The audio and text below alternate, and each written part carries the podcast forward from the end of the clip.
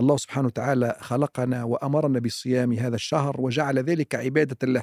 كل عمل ابن كل عمل ابن آدم له إلا الصوم فإنه لي وأنا أجزي به. هذا الشهر هو شهر المنافسة في المدارسة. ومن حقائق رمضان أنه شهر المدارسة كما هو شهر التلاوة. المدارسة هنا يقصد بها مدارسة القرآن.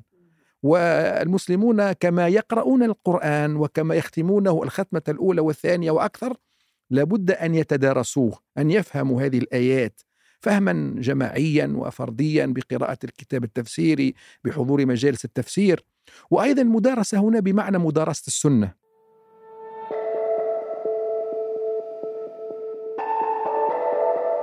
في كل عام يترقب المسلمون بشوق شهر رمضان وعندما يهل هلال ضيفنا المبارك بقبس نوره وريح عطوره وروحانية حضوره نتساءل.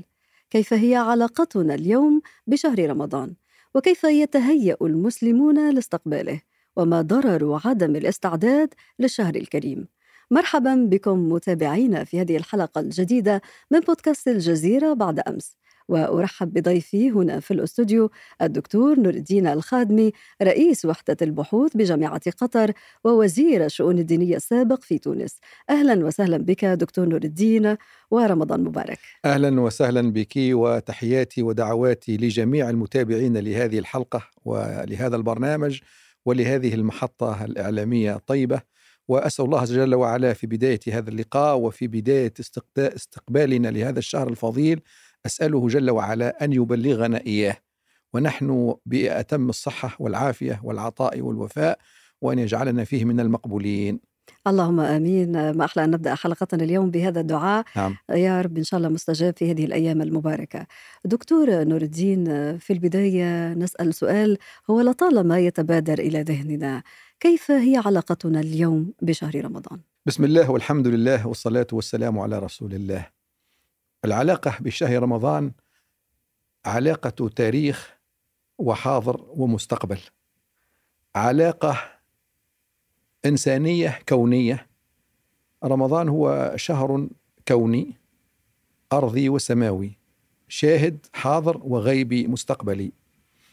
وصف بأنه شهر الأمة وشهر محمد صلى الله عليه وسلم وشهر ربنا سبحانه وتعالى. هو شهر من السنة.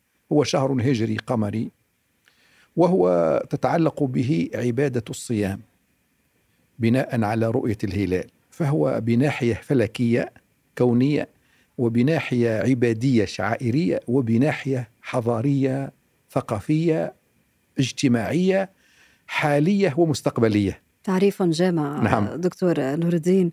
طيب كيف هي علاقتنا بكل هذه الأبعاد لهذا الشهر الكريم؟ علاقة رمضان علاقة الإنسان الطفل في أسرة تصوم.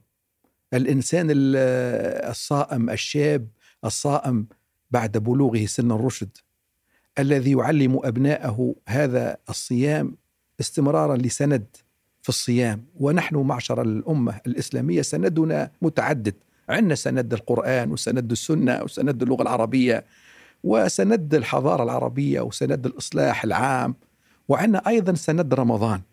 بمعنى أن هذا الشهر هذه المحطة هي محطة جيل بعد جيل. أنا أذكر عندما كنت طفلا صغيرا مع أبي وأمي وجدي وجدتي وإخواتي إخوتي وأخواتي كنت حقيقة آه، أتذكر هذه الأيام الجميلة جدا.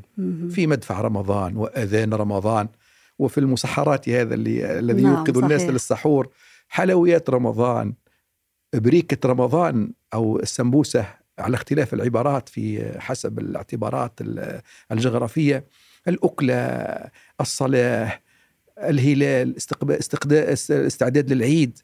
كذلك ليلة القدر كذلك ليلة النصف ليلة 17 عشاء الميت صدقة الميت. هذه الجزئيات العملية وهذه المفردات الحضاريه أسهمت في شخصيا وفي أمثالي أسهمت في صياغة طفل بحضارة وثقافة بسند موصول في هذه العبادة التي هي عبادة بالأساس. ولذلك علاقتنا برمضان علاقة عبادية بمعنى أننا نعبد الله سبحانه وتعالى في آه، هذا الصيام مم. وفي قيام ليله قيام ليل رمضان وفي كل ما هو عبادة وشعائر مم. ولكننا أيضا علاقة أخرى علاقة فيها العلم الفكر فيها الروح الوجدان فيها المجتمع والانتظام الاجتماعي التآزر التضامن فيها أيضا العمران والثقافة والمنتوج الحضاري مم. كل هذه المفردات تمثل نظما دقيقا جامعا ممتعا ماتعا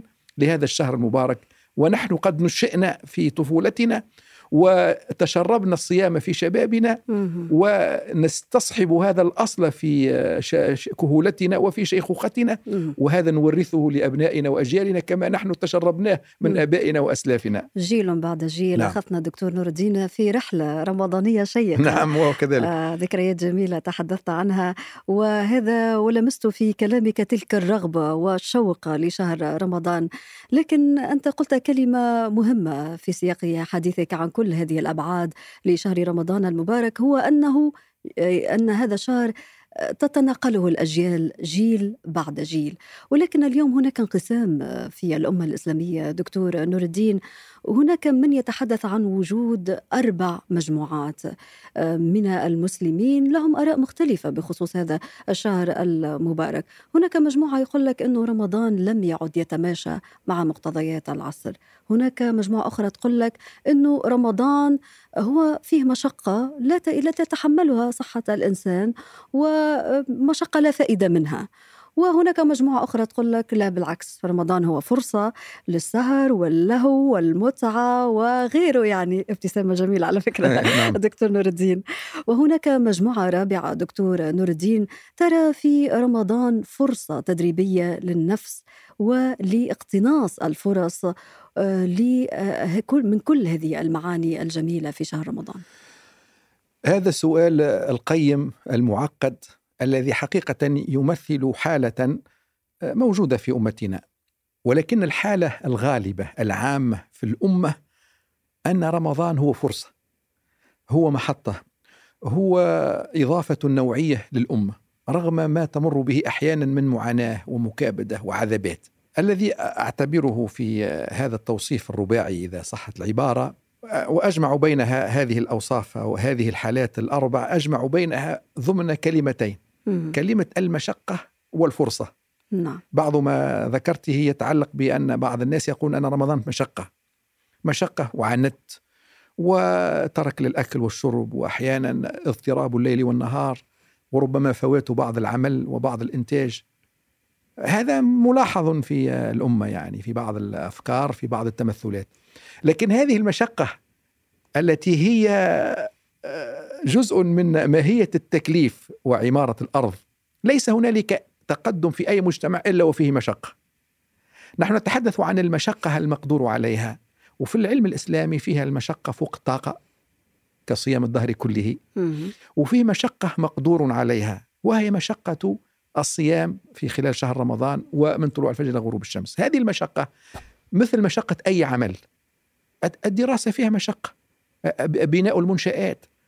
التخطيط للدولة الصحة العلاج الجسور الطرقات العمل الإعلامي التدريس كل هذه أعمال فيها مشقات ولولا هذه المشقات ما تمت هذه الأعمال وما حققت أهدافها. لذلك المشقة التي نتحدث عنها في رمضان هي نوعان مشقة مقدور عليها وأصحابها يصومون ومشقة غير مقدور عليها المرضى والمسافرون والضعفاء وكبار السن والإسلام جاء بهذا وجاء بذلك. لكنني أقول ننطلق من هذه المشقة التي تمثل تحديا أو تمثل حافزا أو دافعا من أجل فرصة للتطوير والتجاوز والبناء ولذلك رمضان فيه مشقة ولكن فيه فرصة روحية فيه طاقة نفسية إبداعية فردية وجماعية. طيب دكتور نور الدين كيف ترد على هذه الانقسامات؟ كيف تقرأها؟ وفي الأخير هناك اختلافات لطالما كانت هناك اختلافات. هو الاختلافات آه، لها اعتبارها في الفهم وفي آه، الجواب والتفاعل معها في إطار التصحيح في إطار الإثراء. ولكن ال- الأساس كما قلنا رمضان هو حقيقة ومحطة لها علمها ولها إنجازاتها. نبدأ بالمنجز التاريخي. والحضاري. الفتوحات الإسلامية والمحطات الفاصلة بين الأمة الإسلامية وسائر الأمم الأخرى في إطار التدافع الحضاري، التمكين الحضاري، الإفادة الحضارية، هذه الشواهد التاريخية تدل على أن رمضان ليس فيه مشقة تعيق عن المحطات التاريخية والحضارية. في صراع في تدافع ثقافي وتدافع حضاري. الدليل على ذلك من من بدايات الإسلام في الغزوات والفتوحات وأيضا الفتوحات عبر التاريخ الإسلامي غزوة بدر كذلك فتح مكة, فتح مكة القادسية نعم القادسية. بعد ذلك آخر شيء في حرب رمضان 10 رمضان 1973 الحرب العربية الإسلامية ضد الكيان الصهيوني. وهي معركة فاصلة جاءت لتأخذ الحق العربي والإسلامي الفلسطيني في مواجهة الهزيمة عام 67 ولذلك قلنا بأن رمضان شهر من حيث التدافع الحضاري محطات تاريخية واضحة كما ذكرنا قبل قليل. وكذلك من حيث من حيث من حيث الإنجاز المهني والعملي والعلمي والفكري والأدبي شهر رمضان بالإضافة إلى أنه شهر صيام هو أيضا شهر فكر وأدب وفعاليات ثقافية وحضارية وشهر للتنمية الزراعية، شهر للأداء الوظيفي المهني. مم. أنا أذكر اختبرت البكالوريا الثانوية العامة وأنا صائم في اجواء شهر ستة مم. واختبرت امتحانات في الجامعة ولست أنا فقط يعني طلاب الجامعات والمدارس والمعاهد في كثير من المناسبات الاختبارات الجامعية والمدرسية تكون في شهر رمضان.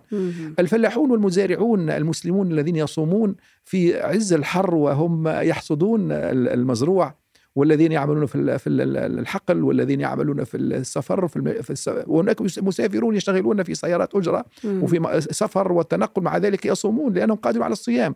وكل الأمة الإسلامية في مجموعها لا يمثل رمضان تحديا للإنجاز والعمل وإنما رمضان يعطي القوة المعنوية الروحية اولا ويعطي كذلك القوة الجسدية ولذلك نصح المسلم بأن يأكل آه، ويشرب في ليل رمضان وأن يتسحر لأن السحور بركة وأن يعتني بغذائه المناسب اللازم وأن يأخذ قسطه من الراحة لكن التطبيق لدى بعض المسلمين في كثرة السهر مثلا نعم. أو في قلة الأكل أو في اضطراب أكل أو ما شابه ذلك هذا طبعا يؤدي بهم في. رمضان وفي غير رمضان نعم. يؤدي. إلى الخلل نعم والأطباء أثبتوا اليوم أيضا فوائد الصيام حتى أننا أصبحنا نسمع بداية الصيام المتقطع وغيره يعني وهذا الصيام المتقطع نعم. دليل علمي واقعي على صلاحية الصوم. نعم. الصوم ليس لم ي... ليس الصوم امرا قديما وانتهى. الصوم هو سلوك إنساني في نظام الغذاء ونظام الشرب وفي نظام نفسي وعقلي إلى آخره. هذا النظام الغذائي هذا السلوك الغذائي مهم جدا في السلامة الجسدية وفي الصحة وكذلك مهم في التوازن الذي يؤدي إلى نتائجه على مستوى الإنجاز والإنتاج والتثمير والفعل.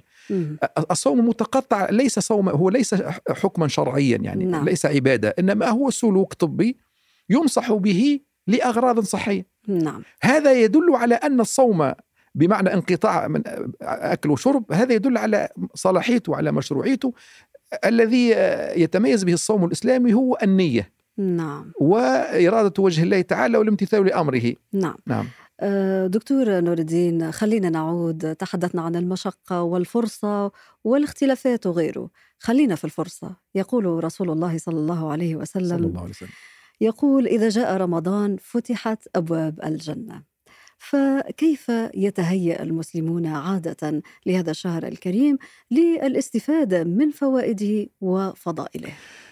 هذا التهيؤ والاستعداد لرمضان هو استعداد نفسي واستعداد عقلي واستعداد جسدي وهو فردي وجماعي بالنسبة إلى الاستعداد النفسي هو أن يتهيأ الإنسان بنفسه لصيام هذا الشهر أن ينوي صيام هذا الشهر أن يهنأ بطمأنينة نفسية وهو يستعد لهذا الشهر. الاستعداد العقلي هو أن أن يتذكر الأحكام والآداب والمعارف المتعلقة بهذا الصح بهذا الصيام. هذا ما يتعلق بالعقل. العقل بمعنى الفهم فهم الآيات فهم الأحكام فهم الآداب الإسلامية. والاستعداد الجسدي هو أن يكون في صحة وعافية. من شروط الصيام الصحة. ومن موانع الصيام المرض. فالإسلام هنا يحرص على أن يكون الإنسان صحيحا جسديا وصحيحا قلبيا بمعنى نية حسنة وقصد خالص لوجه الله تعالى. وأن يكون صحيح العقل أن يفهم هذا الشهر فهما صحيحا.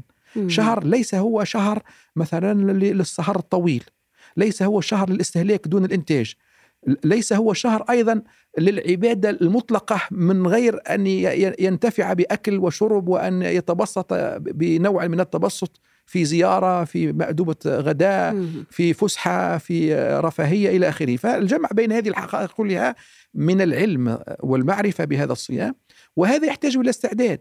نعم استعداد وتخطيط. الاستعداد والتخطيط. التخطيط مثلا هذا استعداد الأسرة مثال. الاستعداد الأسرة يعني وأنا جاي في الطريق معي أهلي وبنتي فقالت لي حدثهم يحفظهم بارك الله فيك. بنتي الصغرى قالت لي حدثهم أو أذكر لهم الاستعداد البيتي. مم. قلت لها كيف الاستعداد البيتي قالت لي الاستعداد البيتي هو أن الأسرة مجموع الأسرة يتهيأ لهذا الشهر إذا فيه أشياء للاقتناء يفضل أن تقتنى قبل الشهر بهدوء وبفكر وتخطيط وأيضا أن يعد هذا الشهر في البيت من جهة الجزء الطبخ والأكل والشرب من جهة زاوية العبادة أو أن يخصص ركن. هذه بنتي تقول لي نعم هذا الكلام. نعم أن نعم. نخصص ركن نحط فيه السجاده نحط فيه المصحف نعم. نقرأ فيه القرآن نصلي فيما كتب. وأيضا من جهة الاستعداد العائلي على اجتماع على الطعام على السحور استدعاء قريباتنا أخواتي مثلا زوجات أخوات زوجتي أقاربي أرحامي الأحباب الزملاء. أن ندعوهم وأيضا أن ندعى من قبلهم لمأدبة أو لأكثر في هذا الشهر المبارك وأيضا أن نتذكر ونتذاكر أبائنا وأمهاتنا وتراثنا التونسي وتراثنا القطري وتراثنا العربي والإسلامي وتراثنا الإنساني في هذا الشهر لأن هذا الشهر أيضا منتج تراثي عمراني حضاري ثقافي فيه فنون وعلوم وفيه إنتاجات وفيه الفانوس مثلا. نعم. اقتناء الفانوس أو المصباح أو القنديل على اختلاف التسميات والهلال والهلال آه. المجسم هذا نعم. يعني أنا نفس الشيء إحنا من يومين يعني العائلة اقتنت فانوس يعني نعم. وتقريبا كل سنة يختنوا فانوس و... وهذا يقودنا دكتور إيه. نور الدين هذه المحادثة الجميلة بينك إيه. وبين بنتك إيه. تقودنا للحديث عن عن السلف الصالح عن صحابة الرسول الكرام آه، رضي الله عنهم وكيف كانوا يستقبلون هذا الشهر الكريم هذه هذا الفانوس الهلال المقتنيات وغيره كانوا يستقبلونه بكل فرحة فهذه مظاهر الفرحة عندنا اليوم ولذلك نحن المفروض قراءتنا للتراث الإسلامي آه، تركز على المنتوج الحضاري مم. والثقافي بالإضافة طبعا إلى المنتوج العلمي الشرعي في العلوم الشرعية وفي الأحكام الشرعية آه، فيه له علوم وفيه آه، مدونات ومنتجات كثيرة نحن لا نستوعبها كما هي. وإلا فأمتنا الإسلامية وتراثنا الواسع لأن تراثنا الإسلامي هذا تراث أمة. والأمة هذه هي في القارات الخمس. فيها العرب والعجم وفيها آه، الشرق والغرب. فيها يعني ملايين المسلمين. الآن أكثر من مليار و800 مليون. وعبر التاريخ ملايين مئات الملايين. كل هذه الأمة لها منتوجات ثقافية وحضارية في شهر رمضان. لو نطلع مثلا على دولة من الدول الإسلامية في الشرق في الغرب في الخليج في غرب في الغرب الإسلامي في شمال أفريقيا في كل هذه الدول سنجد من الفنون والمنتجات. الفانوس المصباح إلى ماذا يحيلنا الفانوس؟ الفانوس يحيلنا إلى الإضاءة مم. إلى النور يحيلنا إلى إحياء الليل إلى إحياء الليل لأنه رمضان يحيا ليله مم. ويحيا نهاره. نعم. ولكن إحياء ليله ونهاره ليس معنى ذلك أن لا ننام. وأن لا نأخذ قسطا من الراحة نوم المعتاد أربع ساعات ست ساعات سبع ساعات من أجل تجديد النشاط وأيضا أن نحيي نهاره بعمل وإنتاج نعم ولذلك حتى اليوم مقسم ثلاثة أجزاء ثمانية نوم وثمانية عمل وثمانية راحة مم. هذا ينطبق في رمضان يعني الإنسان ينام ثمانية ساعات أو قريب نعم. من ذلك وينتج سبعة ثمانية ساعات ويرتاح سبعة ثمانية ساعات. لذلك الفانوس يشير إلى قيام الليل مم. وإلى التهجد وإلى التراويح ويشير كذلك إلى حركة آه، إنسانية ليلية في تواصل اجتماعي في إنتاج حضاري في عمل خاص في شأن خاص فالفانوس يذكرنا نحن الفانوس نستخدمه. ليس للإنارة عندنا ما شاء الله نعم. الكهرباء والكهرباء والكهرباء والماء نعم. لكن عندنا عندنا فانوس تراثي نعم نتخذه زينة وذاكرة يحيي فينا قيمة قيام الليل يحيي فينا إحياء الليل نعم. يحيي فينا الإضاءة والنور بهذه المستويات. طيب دكتور نحن تحدثنا على مستوى الفرد الأسرة. ماذا عن بقية الأطراف الفاعلة في المجتمع آه، الإسلامي؟ هناك جمعيات هناك منظمات ناشطة خلال شهر رمضان. بارك الله فيك في هذا السؤال. آه، استعداد آه، الشعب والأمة والدولة والجمعيات لرمضان هو استعداد ضروري ومهم مثل استعداد الأسرة واستعداد أي فرد كيف يتصور استعداد الدولة؟ استعداد الدولة في التخطيط لهذا الشهر لأن هذا الشهر هو شهر اقتصادي. فيه الاستهلاك وفيه الإنتاج لأن الاستهلاك مقابل إنتاج فأن تؤمن الدولة وفق أعرافها وقوانينها ما يكون استهلاكا وما يكون إنتاجا وما يكون آه، توقيتا إداريا وإنجازا حضاريا وانتظاما وطنيا في هذه الدولة. هذا من آه، مسؤولية الدولة ومن الاستعداد. ولذلك جرت عادة الدول الإسلامية أن تخطط آه، لهذا الشهر وأن تحضر المواد وأن ت- تقيم برامج إعلامية فيها الإفادة والبلاغات والتوجيه في المرور في السهر في التمدرس في العمل ال- ال- الإداري الوظيفة المهنية. هذا استعداد الدولة. وهذا من صميم رمضان. نعم. لأن الدولة أيضا تحتاج إلى تخطيط وإلى تنفيذ وتحتاج إلى سوق فيها السلع والبضائع وإلى تنظيم الوقت وإلى آخره. استعداد المجتمع المدني أو الأهلي هذا أيضا مهم جدا.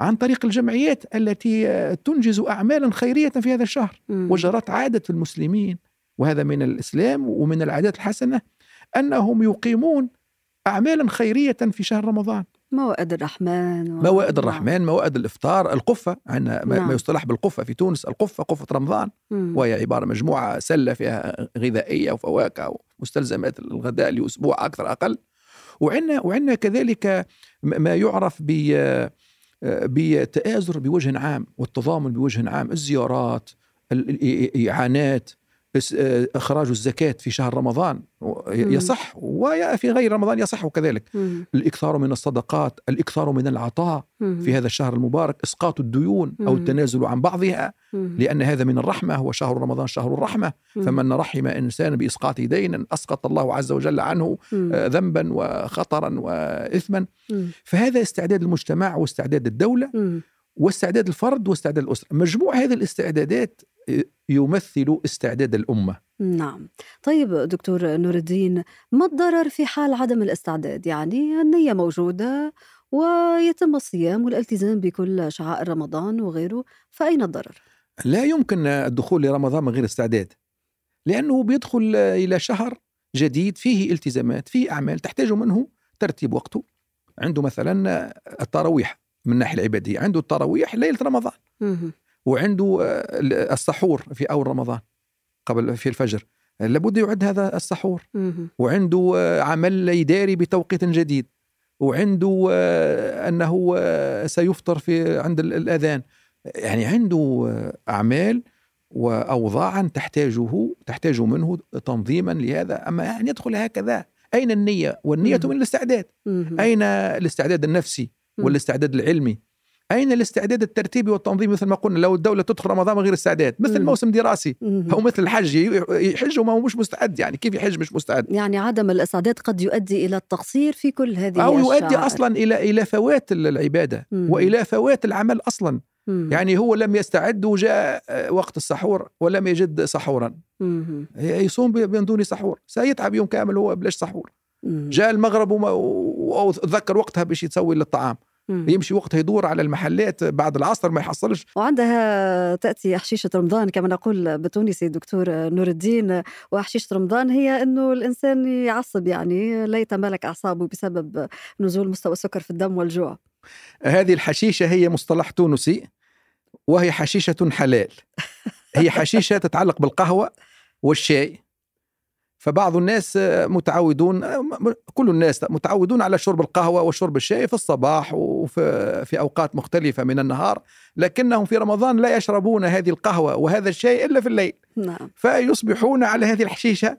يقول لك ما يعدل الدماغ والمخ إلا قهوة في نعم. الصباح أو شاي.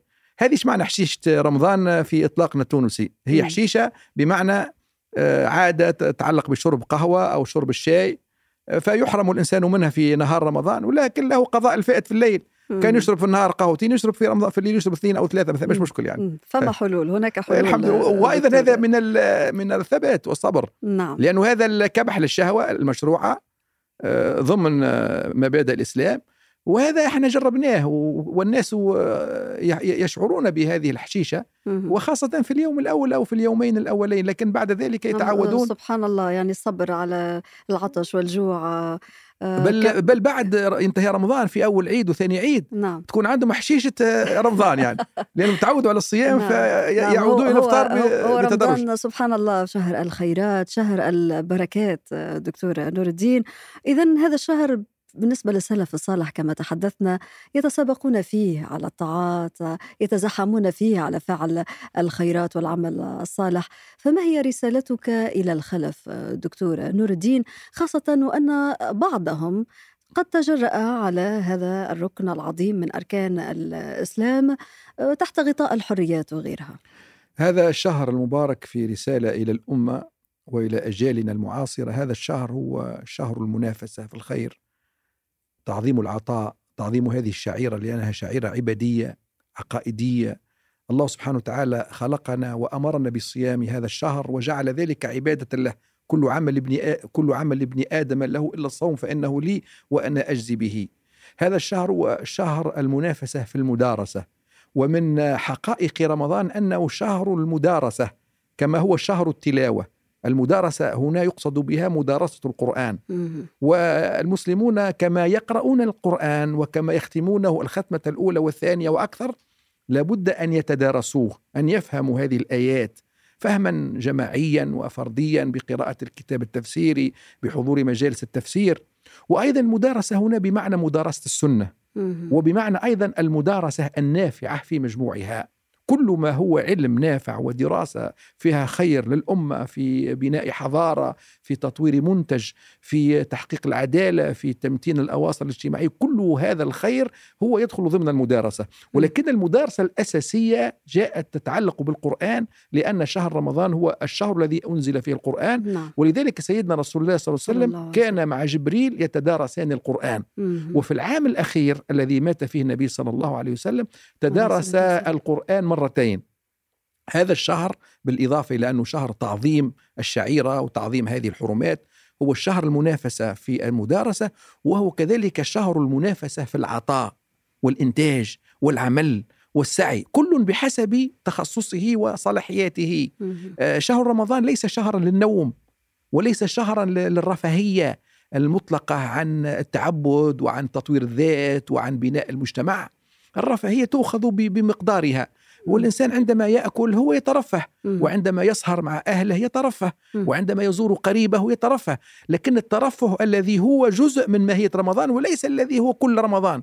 أن نضيع أوقاتا كثيرة في السهر والسمر والمسلسلات والفوازير وفي الحديث الكثير وفي النقاشات التي لا ليس لها معنى هذا كله على خلاف حقيقة رمضان.